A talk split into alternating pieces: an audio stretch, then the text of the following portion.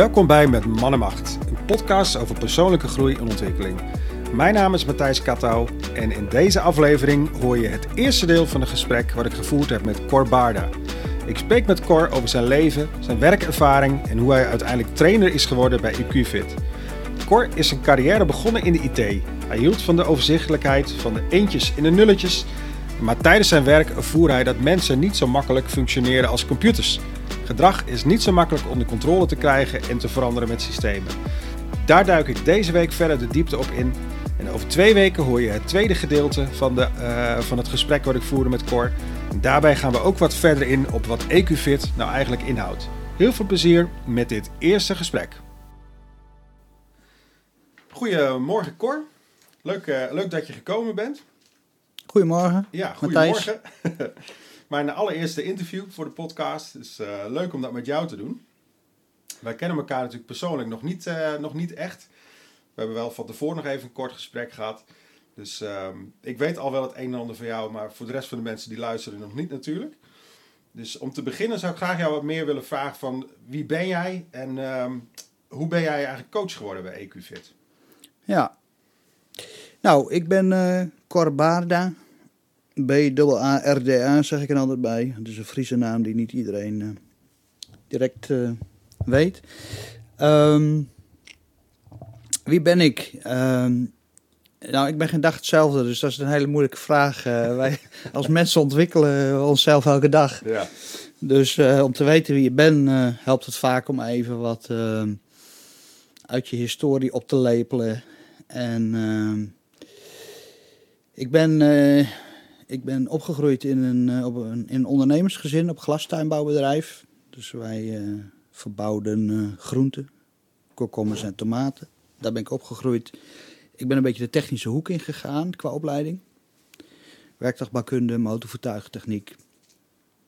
Uh, dus ik was al vrij snel een, een, iemand die met het hoofd bezig was. Ja. En, ehm, dat ben ik gaan doen. En daarna ben ik ehm, bedrijfskunde gaan doen, HTS technische bedrijfskunde.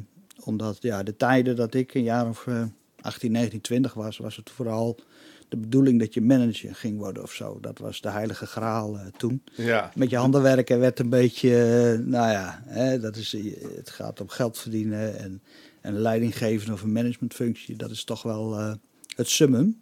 Ja. Dus tenminste wat ik van die tijd heb meegekregen. En nou, die opleiding heb ik gedaan, technische bedrijfskunde. En ik ben toen terechtgekomen in de hoek van, uh, dat noemen ze toen kwaliteitszorg. En dan ben je heel erg bezig met in bedrijven via protocollen en procedures de boel te stroomlijnen, dat alles goed loopt. Dat was mijn. Daar ben ik een beetje mee de arbeidsmarkt opgerold met dat soort werk. Ja.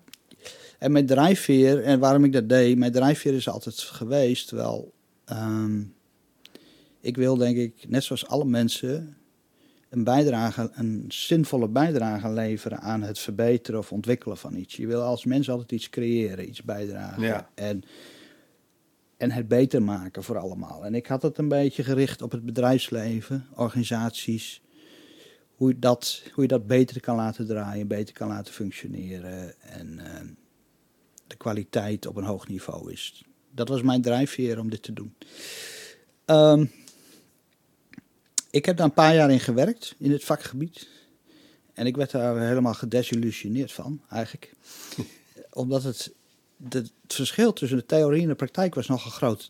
Ja. Dus, um, en ik had toen nog niet door waarom dat in zat, uh, waar dat door kwam. Maar ik heb ja, verschillende bedrijven geholpen met uh, ja, wat ze toen noemden hè, kwaliteitszorg. Dus alles helemaal via procedures laten verlopen. En, uh, maar de resultaten waren eigenlijk niet zo goed. Um, wat ik zag nu, met de inzicht van nu en toen niet, was dat mensen gedemotiveerd werden. Het werd bureaucratisch, het werd uh, rigide. Uh, dat is wat er echt gebeurde. Er ontstond ook heel snel een uh, noodzaak tot veel administratieve dingen, vastleggen en zo. En, ja. en, dus het werd ook heel bureaucratisch allemaal. Toen zag ik dat nog niet. Toen dacht ik van, nou, we moeten nog meer van dit doen. Want dan komt het wel goed. En mensen moeten nog meer in hun, in de structuur geduwd worden en nog beter aangesproken worden op wat ze doen. En dan komt het wel goed. En uh, nou, uiteindelijk werd ik daar niet blij van, van het werk. En wat ik wel heb gemerkt toen is, ja, er moet heel veel vastgelegd worden en geadministreerd. En er ontstaat veel bureaucratie. Dus we moeten automatisering hebben om dingen te gaan vereenvoudigen. Uh, dus ik ben me toen op automatisering gaan starten. En ik heb een, mijn opleidingen hebben ook met techniek te maken. Werktuigbouwkunde motorvoertuigtechniek. Dus ik, ik vond IT eigenlijk wel heel interessant. Ja. Vakgebied. En daarmee kun je ook iets creëren. Hè? Als je een mooi softwareprogramma of zo maakt, of, dan, dan geef je mensen echt een tool in handen. Hè? Dan kunnen ze, weet ik veel, allerlei registraties met de druk op de knop samenvatten of ja. noemen maar. Er waren, de toepassingen zijn natuurlijk eindeloos. Dus toen ben ik de IT ingegaan. Ik heb van alles nog gedaan in IT. Ik heb software geprogrammeerd, ik heb netwerken beheerd, ik heb uh, uh, uh, ja, technisch heel erg bezig, maar ook op het snijvlak van techniek en organisatie. Dus hoe kan je bedrijfsprocessen automatiseren, zodat ze beter gaan verlopen. Eigenlijk is mijn aandachtspunt van hoe kan je een organisatie beter laten functioneren van kwaliteitssystemen naar IT gegaan. Ja. Snap je? Je ging eigenlijk van uh, veel met je radio bezig zijn, dingen in, in hè, op je LinkedIn had je het op een gegeven moment ook over dat je heel veel uh, bezig was met systemen, met ja, ja. het binaire denken. Ja, binair denken zoals ze dat noemen, ja. Dus je ging eigenlijk van uh, de conclusie van hey, het, het, het, werkt eigenlijk niet helemaal zoals ik nu aanpak. Um, ging je gevoelsmatig eigenlijk naar een situatie waar je denkt van nou, laten we nog maar meer van hetzelfde gaan doen. Misschien werkt Precies. het dan wel. Ja. Maar dan met IT bijvoorbeeld. Ja. Hè? Dan gaan we gewoon mensen een stuk software geven die voorschrijft hoe ze het moeten doen. En, Ja. en software kan je mooi dwingen in een hoek. Hè? Dus, dus Ja. je raakt daar ook je autonomie helemaal in kwijt als je mensen software geeft om te werken. Want ja, je moet daar iets invullen, een bepaalde keuze maken of een bepaald proces volgen. En, en, en, ehm, dus het wordt ook eh, een gereedschap om controle proberen te krijgen. Wat je doet is eigenlijk, je probeert controle te krijgen. Ehm, nou ja, IT. Maar ik heb er heel veel leuke dingen gedaan in IT wel. En uiteindelijk ben ik een beetje uitgegroeid naar organisaties ondersteunen met alles wat nodig is om de IT veilig en betrouwbaar en continu in de lucht te houden. Ja. Uh, en dat is een enorm samenspel van dingen wat je organisatorisch en technisch geregeld moet he hebben. Uh, om te zorgen dat de boel niet uitvalt. Hè? Dus dat het het altijd doet. Om te zorgen dat je goede backups hebt. Om de beveiliging op orde te hebben. Omdat mensen er goed mee omgaan. Pro ook daar weer procedures en zo. Dus dat, het onderwerp was toen voor mij het, het, de hele IT ja, onder controle zien te krijgen. Dat er niks misgaat. Want er kan nogal wat misgaan met IT namelijk. En nou, inmiddels zijn we met z'n allen compleet afhankelijk van IT. Dus als iets misgaat, ja, dan stort ook alles in. Hè? Dan is Ja. het, ligt je bedrijf stil. En dan, Ja. eh, dus we leggen ook nu als mensen, maar ook als organisaties, ons, ons eh, voortbestaan voor een groot deel in handen van IT-systemen. Dus er staat een boel op spel. Nou, daar ben ik in mijn werk mee bezig geweest. En uiteindelijk ben ik zelfstandiger geworden. Ik heb in de tijd dat ik met IT bezig was ook de stap gemaakt van Windows naar Apple. Steve Jobs inspireerde mij heel veel. En uh, die had een hele andere kijk op IT, dat vond ik mooi. Die had ook een kijk op de mens. En, en het samenspel tussen mens en technologie. En eigenlijk is dat wel een beetje wat ik ook in mijn hele carrière... dat samenspel tussen mens en technologie is heel interessant. Ja. Want de mens is geen machine. Maar technologie is heel voorspelbaar. Als je op een knopje drukt, dan, dan gebeurt er iets. Als je het daarna weer doet, gebeurt het precies hetzelfde. Maar bij mensen gaat dat niet zo. En, uh, en dat heeft mij eigenlijk wel een beetje, die hele ja, kennismaking met technologie heeft mij wel geleerd. En, en ook nieuwsgierig gemaakt in van, waarom functioneer ik niet zo als een computer? Waarom ben ik zo onvoorspelbaar? Waarom kan ik mijn gedrag niet veranderen? Ja. Wat ik, ja, je probeert wel heel erg voor de buitenwereld een bepaald iemand te zijn. En je een bepaalde manier te gedragen zoals het hoort. En, uh, maar onder de motorkap, zoals ik dat dan noem, van mezelf, wist ik dat ik bepaalde uh, dingen in mijn gedrag, uh, dat mij dat niet lukt om dat te veranderen. Ja. En, uh, en dat soort. Als je dan echt uit de IT komt, waarin je ja, wat een hele binaire, voorspelbare wereld is. En de mens is niet zo voorspelbaar. Dat is eigenlijk wel een mooie tegenstelling. Ik denk dat ik uiteindelijk eh, in, ook aan die IT-tijd heel veel gehad heb om te leren. Wat je vooral leert in, in dat werk is analyseren en dingen tot de kern uitrollen. Ik heb ook geprogrammeerd, maar als je een softwareprogramma wil maken wat redelijk goed functioneert en foutloos, dan moet je echt heel goed kunnen analyseren Ja. en ook de interactie van de mens met de computer snappen, omdat je op allerlei fouten van mensen moet anticiperen en allerlei onvoorspelbaarheden in het gedrag moet anticiperen. Ja. Snap je?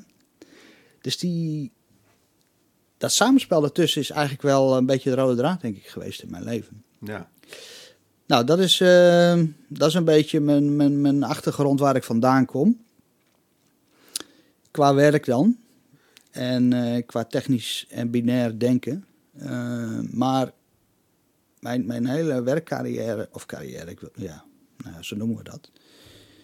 Ehm, ik werd daar niet blij van, met wat ik deed. Nee. Het gaf mij geen plezier, geen bevrediging. Eh, ik was elke keer bezig dingen onder controle te krijgen en iets ergens te krijgen. Maar dat lukte gewoon niet. Hè, wat ik zei, een organisatie goed laten functioneren en alles. Al die tools en al die IT en al die systemen en afspraken en protocollen en al dat controle denken en systeemdenken leverde eigenlijk vooral problemen op. Bij Ja. de mens. Ja. ja ik, ik vind het wel leuk hoe je dit vertelde. Het, het is voor mij wel heel herkenbaar. Ik ben zelf eh, begonnen in de uitzendbranche. En het is een ontzettend interessante branche, want je doet daar heel veel met eh, eh, gesprekken met, die, die je voert met mensen. En ehm, het lastige daarin is, is dat eh, mensen soms heel erg onvoorspelbaar zijn. Want ze kunnen voor je zitten en zeggen, hey, dit lijkt me een hartstikke leuke baan. Dus bedankt dat je het voor me geregeld hebt. En de volgende dag belt de opdrachtgever waar diegene gaat beginnen, belt op en zegt, ja, hij of zij is gewoon überhaupt niet opkomen dagen. En dan bel je iemand na en dan blijkt er een hele wereld achter te zitten die je niet gehoord hebt aan het bureau. En dan, ze, dan is er weer een reden waarom het niet gebeurd is, inderdaad. En ik ben, daarna ben ik, ehm, ben ik wat meer doorgegroeid naar back-end functies. In de, wel in de uitzendbranche en uiteindelijk zeg maar in de business intelligence eh, eh, terechtgekomen. En, ehm, en dat, dan vind ik leuk om nog even iets verder bij jou door te vragen. Wat ik bij mezelf merkte is dat ik daar ehm, een bepaalde rust in ervoer, waar jij denk het nu ook over hebt. Dat het heel... Uh, het is heel analytisch, het is heel, um, uh, het is heel probleemoplossend kun je daarin bezig zijn. Het is ook heel zwart-wit inderdaad. Um, zodra je iets gevonden hebt wat het probleem is, dan, dan heb je het probleem ook opgelost en dan is het klaar. Ja. Dus ik ben even benieuwd. Um, in jouw beleving, ik denk in de IT-wereld, in dit soort wereld, is vaak ook uh, verhoudingsgewijs wat meer mannen als vrouwen. Zijn mannen sowieso in jouw beleving, denk ik, wat meer. Um, ja, wat meer, dat, dat we meer toetrekken naar functies waarbij we gewoon heel erg probleemoplossend, heel rationeel bezig kunnen zijn? Dat is een goede vraag. Um, dat vind ik een hele goede vraag. Wat jij zegt nu, ik, ik rol hem even terug. Uh, jij zegt twee dingen namelijk. Je hebt het over mannen en vrouwen en meer mannen in de IT. Hè? En ten tweede zeg je dat mannen meer probleemoplossend bezig willen zijn. Zei dat zo? Ja, vaak rationeel gezien of zo. Als ik naar mezelf kijk, het geeft mij een bepaalde rust. Ik heb een, ik heb een probleem. Er moet bijvoorbeeld bepaalde, uh, uh, bepaalde dataset moet gemodelleerd worden. En dat kan lastig zijn, maar als je het op een gegeven moment gaat, gaat analyseren wat nou echt het probleem is. Um, ja, in de basis zijn het nulletjes en eentjes. En is het, is het code. En als je de code goed hebt, uh, dan werkt het. Ja. En dat geeft een fijn gevoel, want dan heb je een bepaald systeem gevonden. Uh, en je, je laat het werken zoals het zou moeten werken. En voilà, je hebt het resultaat. Zonder al die gekkigheden eromheen van mensen die ineens soms uh, A zeggen en B doen. Want een systeem, als je gewoon de opdracht geeft om A te doen, als je het goed instrueert, dan krijg je A ook terug. Ja. Oké, okay. ik ga misschien nu iets gevaarlijks zeggen.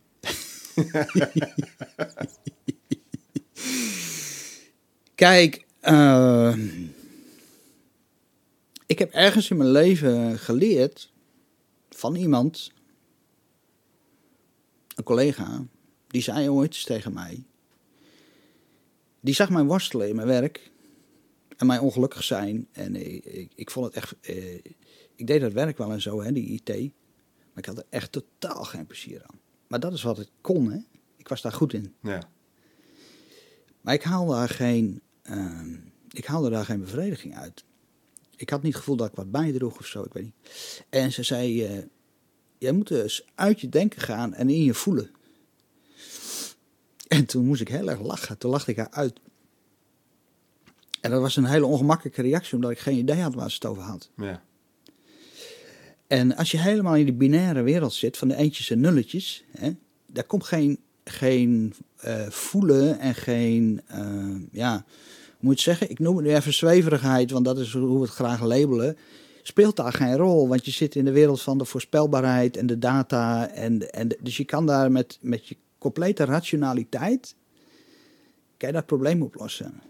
Ja. Dat maakt je heel machtig en eh, veel, eh, snap je? Dat, ja. dat geeft het gevoel van controle, toch? gevoel van controle. Ja. En ehm, dat, impliceert ook iets anders, dat je over eh, eh, heel veel dingen, zoals mensen, hoe mensen met dingen omgaan en jouw, jouw uitzendkracht en alles, dat je daar geen controle over hebt. Waarschijnlijk vanwege het feit dat je niet zo goed kan inleven in die persoon en niet zo goed doorhebt dat er nog meer achter de oppervlakte van mensen zit dan alleen maar wat ze zeggen. En eh, hè, de, de computer die zegt ook iets en die roept iets en dan is het helder en het is klaar. En mensen zeggen ook A, maar ze voelen B, ze denken C en ze Ja. handelen D. Ja. Ja, dat is heel complex. Heel complex. Ja.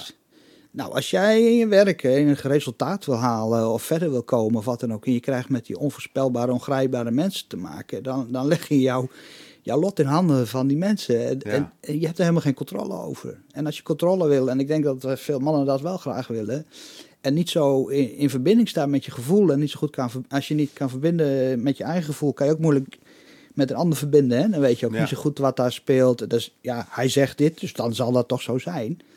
Maar de mimiek of, eh, of de non-verbale communicatie en alles, heb je helemaal geen toegang toe. Tot jezelf ook niet, daar heb je geen idee bij. Nee, nee. Want je bent heel zwart-wit aan het kijken. Dus ik denk, ik denk dat, eh, en ik zei, dit is iets gevaarlijks. Eh, en het gevaarlijke is dat ik denk dat, dat het, het, ja, het niet in verbinding zijn met je gevoel en emotie.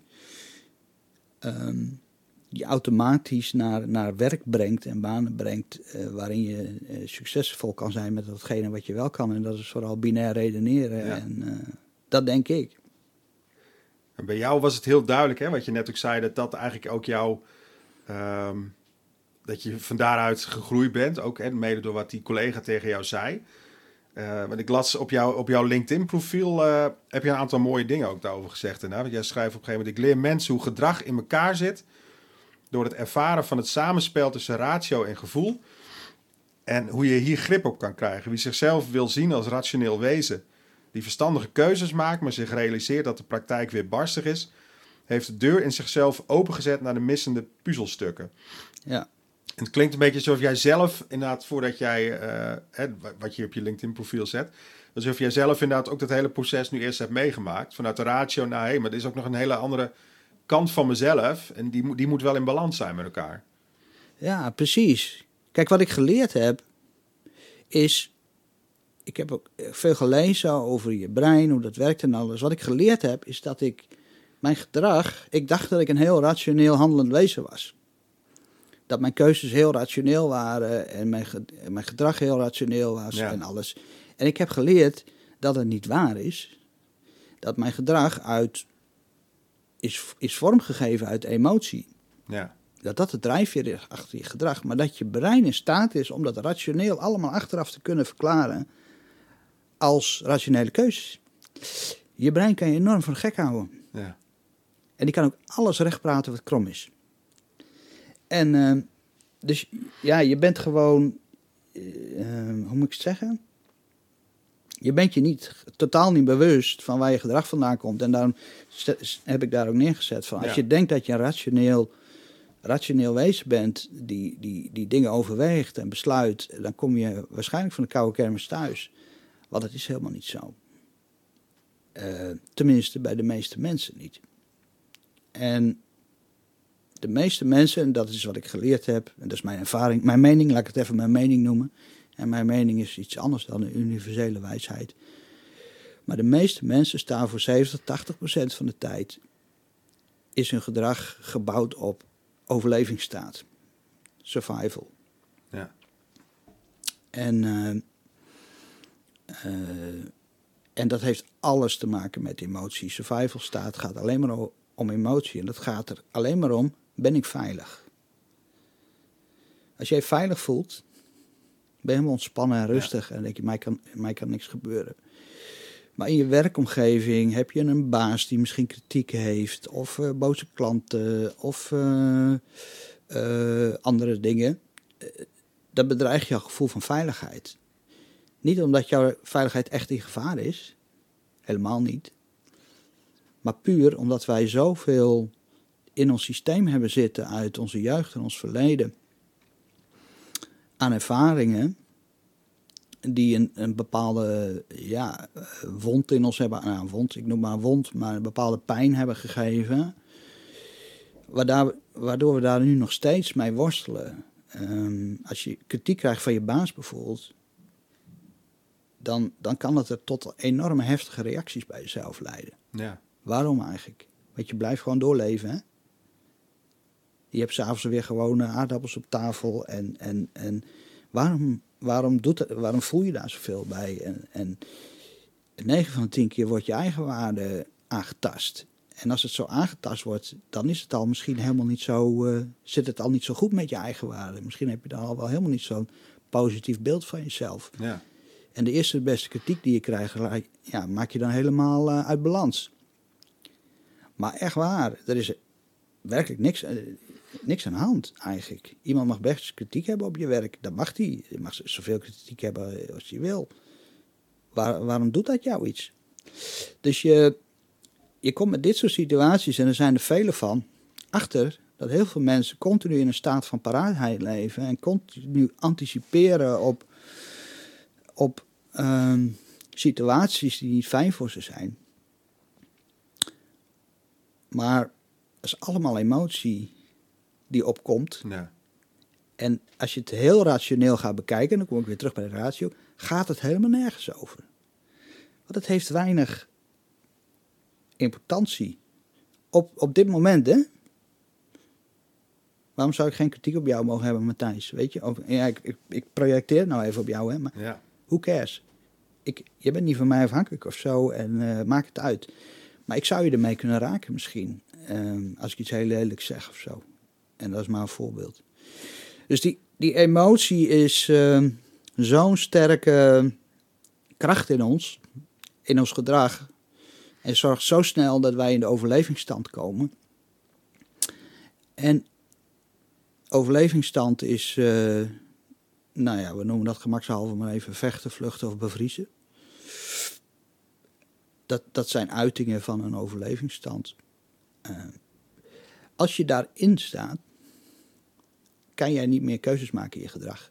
Dan ben jij een slaaf van je patronen die je in je draagt.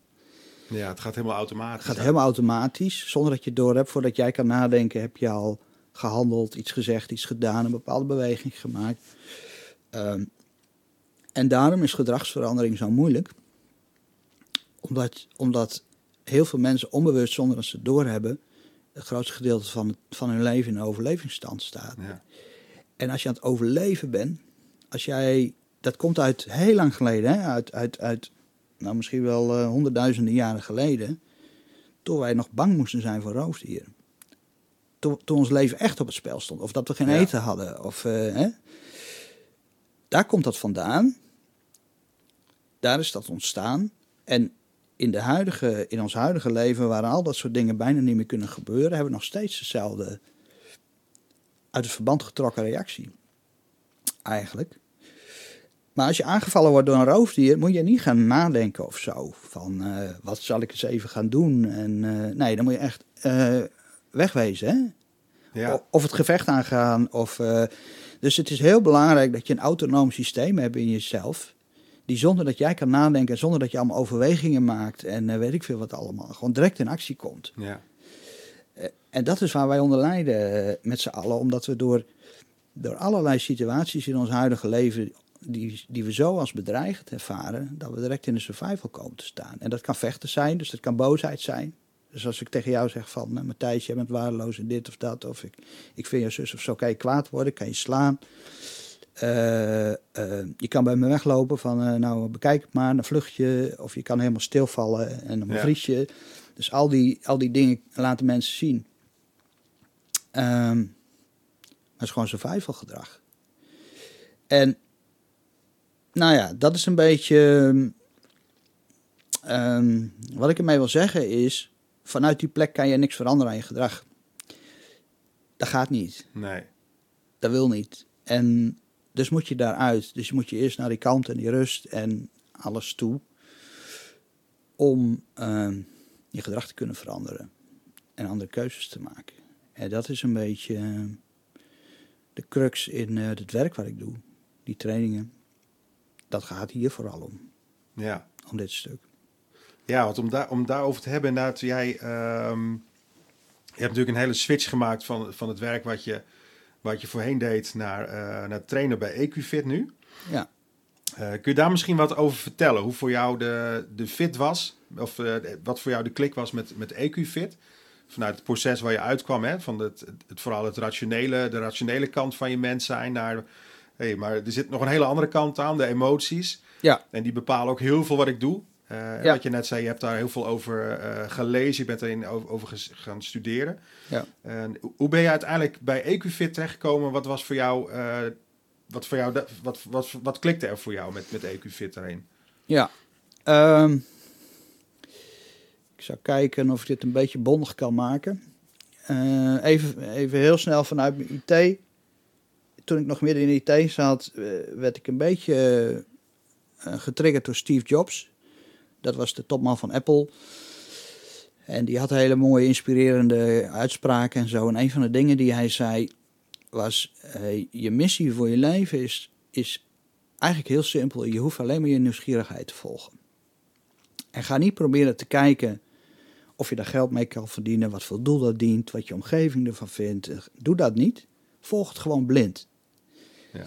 En nou, na, eh, na eh, pak een beet, eh, weet ik veel, 25 jaar eh, werk doen waar ik echt de balen van had en er nooit plezier van had gehad, dacht ik van oké, ik ben nu klaar voor om het vasthouden aan Ja. waar wil ik heen, wat wil ik worden, wat vind ik leuk, wat, kan ik, wat is financieel goed. Ik ben er nu klaar voor om te zeggen van ik ga alleen nog maar mijn nieuwsgierigheid volgen. Ja, mooi. No matter what the consequences are. ja. Want ik was er zo zat van op mijn eigen rationele manier bezig zijn met mijn werk en niet tot resultaat te komen. En ik dacht van, eh, eh, ik ga het nu echt anders doen. Echt leergeld was dat. ja. En dat ben ik toen gaan doen. En toen dacht ik, van, wat, wat vind ik interessant? Ja, dat is menselijk gedrag. Dat heb ik altijd al super interessant gevonden. Alleen, en van jongs af aan al eigenlijk, realiseer ik me nu. Alleen, eh, ja, een gegeven moment ga je tegen jezelf zeggen van... ja, je moet eerst een, een, een universitaire studie als eh, psycholoog... eh, anders kan je daar niks mee doen, weet je. Dus, dus, ja. dus je snijdt jezelf de pas al af om überhaupt die kant op te gaan... als je al niet heel vroeg in je, in je onderwijs en zo die keuzes hebt gemaakt. Maar in elk geval, dat ben ik gaan doen. Eh, en ik wist niks van menselijk gedrag. Behalve mijn eigen ervaring. Maar ik had geen achtergronden, geen opleiding, helemaal niks. En dan kan je lekker met open vizier beginnen. En dat is heerlijk. Want eh, eh, alles wat je leert en leest, en dan ben ik heel veel gaan doen. Filmpjes kijken, lezen, leren, eh, boeken lezen. is met open vizier. En het enige, ehm, het enige criterium wat je hebt voor... Klopt het nou wat hier gezegd wordt of niet? Is van herken ik het in mezelf? En, en zo heb ik veel geleerd, denk ik, vind ik. ja. Eh, op eigen houtje. Ik denk dat ik vijf, zes jaar bezig geweest ben. eh, heel veel over gedrag te leren. En een belangrijk punt in die hele zoektocht was een boek wat ik heb gelezen. Dat heet De Vrije Wil Bestaat Niet.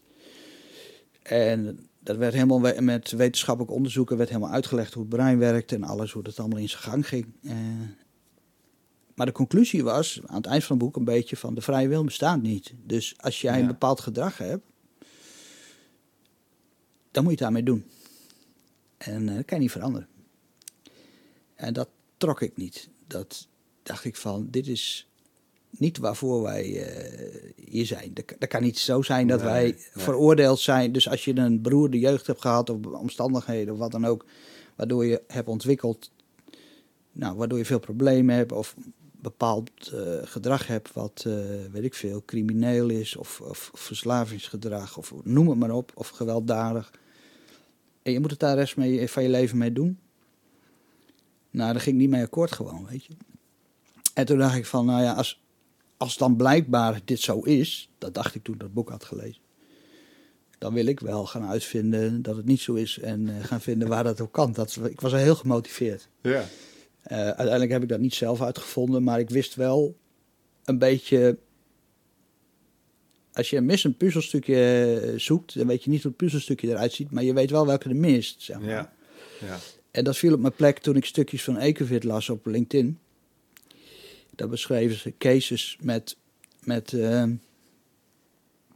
cli- cliënten, zo, eh, trainingen die ze hadden gehad. En ik kon daaruit, door mijn ja, analysevaardigheden die ik in mijn IT-tijd, kon ik precies ja, uit die woorden halen van dit is de crux. Ja. zij, hebben het knopje gevonden waar het veranderen van je gedrag zit. Zij weten wat zit. En dat vond ik heel interessant.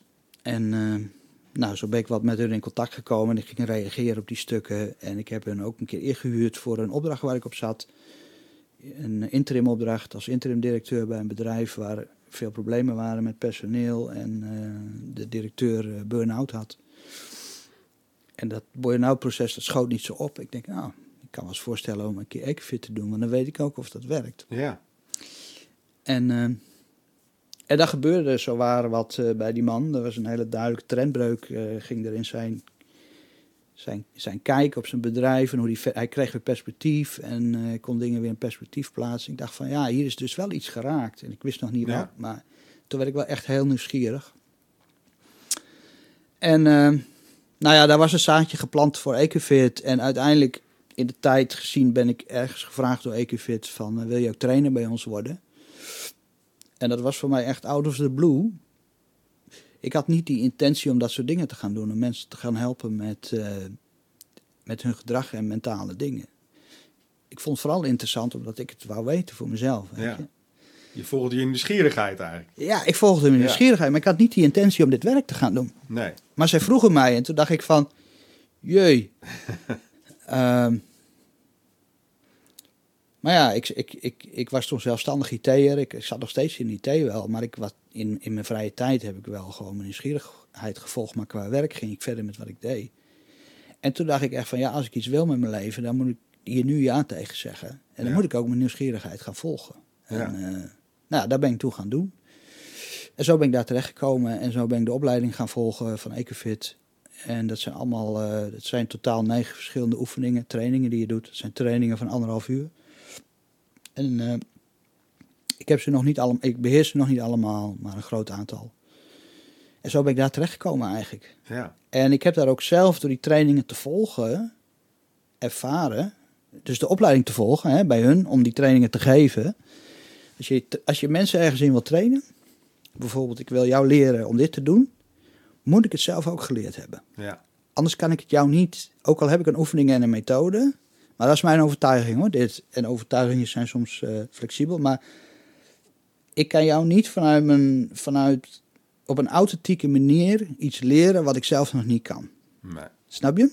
Ja. Nou, ben ik met je eens. Dus het grootste eh, proces in die, die hele Ecofit-opleiding is voor mij geweest om het vooral bij mezelf te gaan leren. En dat is nog niet makkelijk, kan je vertellen. Want dat is, dat is eh, het zit namelijk heel diep. Het zit echt terug vaak in je jeugdtijd, waarin eh, bepaalde patronen zijn ontstaan uit jezelf, in jezelf. En het zit zo diep ingesleten, dan heb je zodanig op je hele leven alles gebouwd. Dus echt de fundering onder je gedrag wordt in je jeugd Ja. gelegd. En op die fundering bouw je alles wat je daarna doet. Nou, als je in de fundering wil gaan lopen rommelen, dat is, dat is gewoon heel moeilijk. Dus dat heeft best wel eh, tijd gekost bij mij. Maar, eh, maar ook de switch van een IT'er die vooral technische problemen oplost naar iemand die mensen gaat helpen, is een enorme, het is een enorme switch. Ik was ook in mijn IT-tijd, op sociaal vlak was ik niet zo, eh, Ja, ik had eigenlijk liever helemaal niet met mensen te maken. Want daar heb ik alleen maar last van, weet je. Doe mij maar lekker mijn computer en die doet wat ik wil. En, Ja. eh, weet je. Dus dat is, dat is ook een grote switch geweest. Maar ehm, dat heb ik daar ehm, gepoogd te leren. En ehm, ik ben nu een beetje je vraag kwijt. Ik, ik inmiddels ook. Laten we gewoon eerlijk zijn, inderdaad. Hè? Want het praat zo lekker weg, inderdaad. Ja, Eh, Maar, eh, dus, eh, maar je vroeg iets van hoe ik daar volgens mij die switch heb gemaakt en bij Ekenfit terecht ben gekomen. Volgens mij is dat wat je vroeg. ja, daar, daar begonnen we inderdaad. En toen ging Ja. jij vertellen over, eh, eh, over van alles en nog wat. Volgen nieuwsgierigheid, Ja, hè, dat was een element. nieuwsgierigheid. Maar ook, maar ook en, en dat, is, dat is het belangrijkste geweest. Mijn hele leven ben ik bezig geweest met de voorspelbaarheid en, en, en de analytische kant van IT. En, en, en, en ik heb je al genoemd, als mens eh, zeggen we A, eh, voelen we B, denken we C en doen we D. Hè? Dus het, het proberen te hacken van dat systeem, te snappen van het systeem, eh, gaat heel erg terug naar wat ik vroeger met IT deed. Van dingen helemaal uitrafelen tot de kern. Ja, En kijken wat zijn nou de oorzaken en gevolgrelaties. Want die zijn er wel degelijk bij menselijk gedrag. Maar als jij als mens bijvoorbeeld afgesneden bent van je gevoel en je denkt dat dat niet bestaat, mis je hele elementaire kennis over de menselijke geest en het menselijk lichaam, waardoor je die oorzaak-gevolgrelaties niet kan leggen.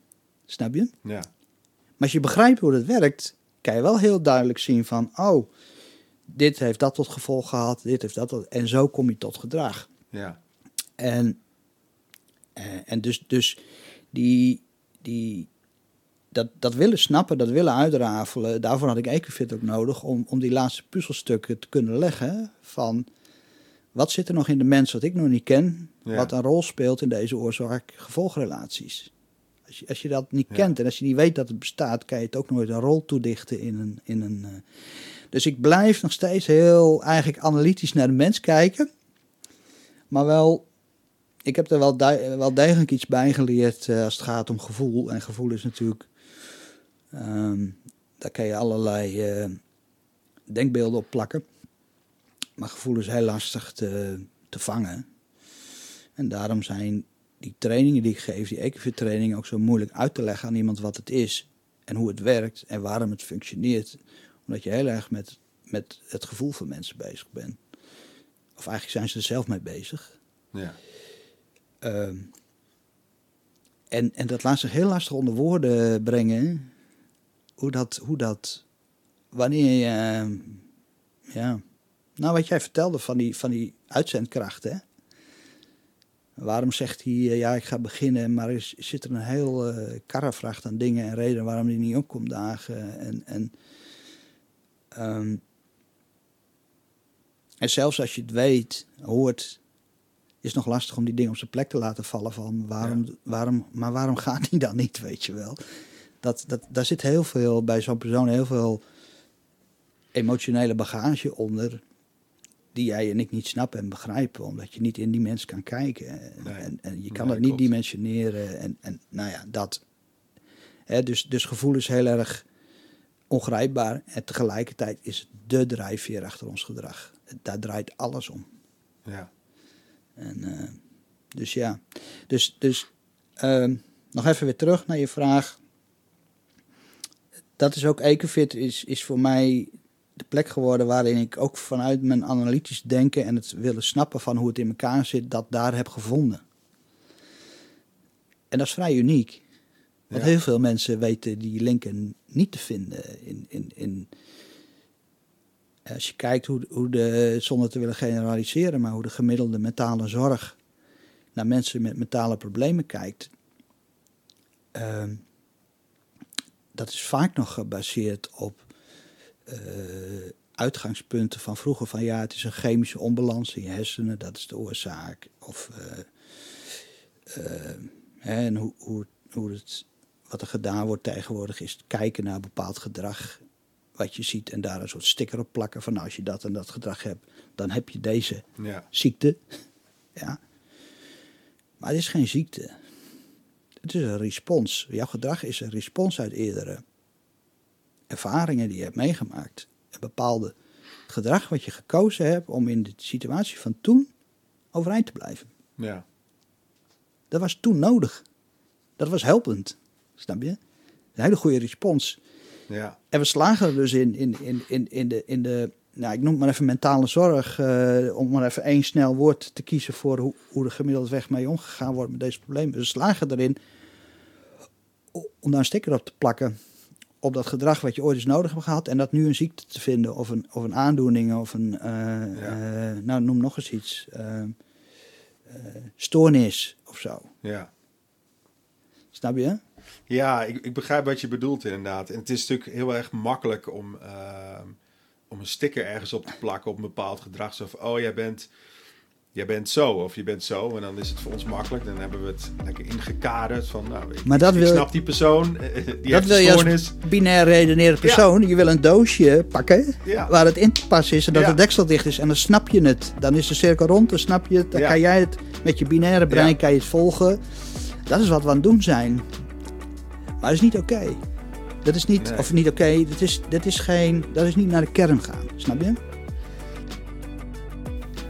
Tot zover het eerste gedeelte van mijn gesprek met Cor Baarda. Hopelijk vond je het gesprek interessant. Over twee weken volgt deel 2 van dit gesprek. Ben je geïnteresseerd geraakt en wil je meer weten of een EQ-fit training via Cor misschien wat voor jou is? Je kunt Cor Baarda vinden op LinkedIn via https www.linkedin.com in Cor Baarda regie over je gedrag en gevoel met streepjes ertussen. Meer info over de EQ-fit methode kun je vinden op de website via https eqfit.nl. Met man en macht kun je het beste volgen door je te abonneren via een podcast app. Bijvoorbeeld de podcast app op jouw iPhone of Google Podcast op een Android telefoon. Ga naar https www.podcastics.com podcast met streepje man streepje en macht voor een overzicht van alle links waar je de podcast kan vinden.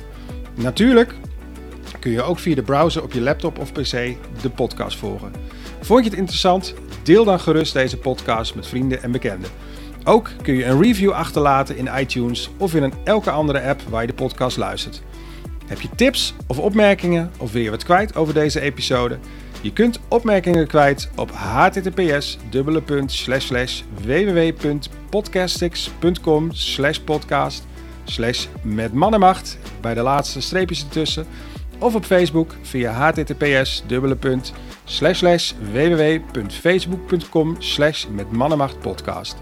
Wil je liever mailen? Dat kan ook op met mannenmachtpodcast@outlook.com.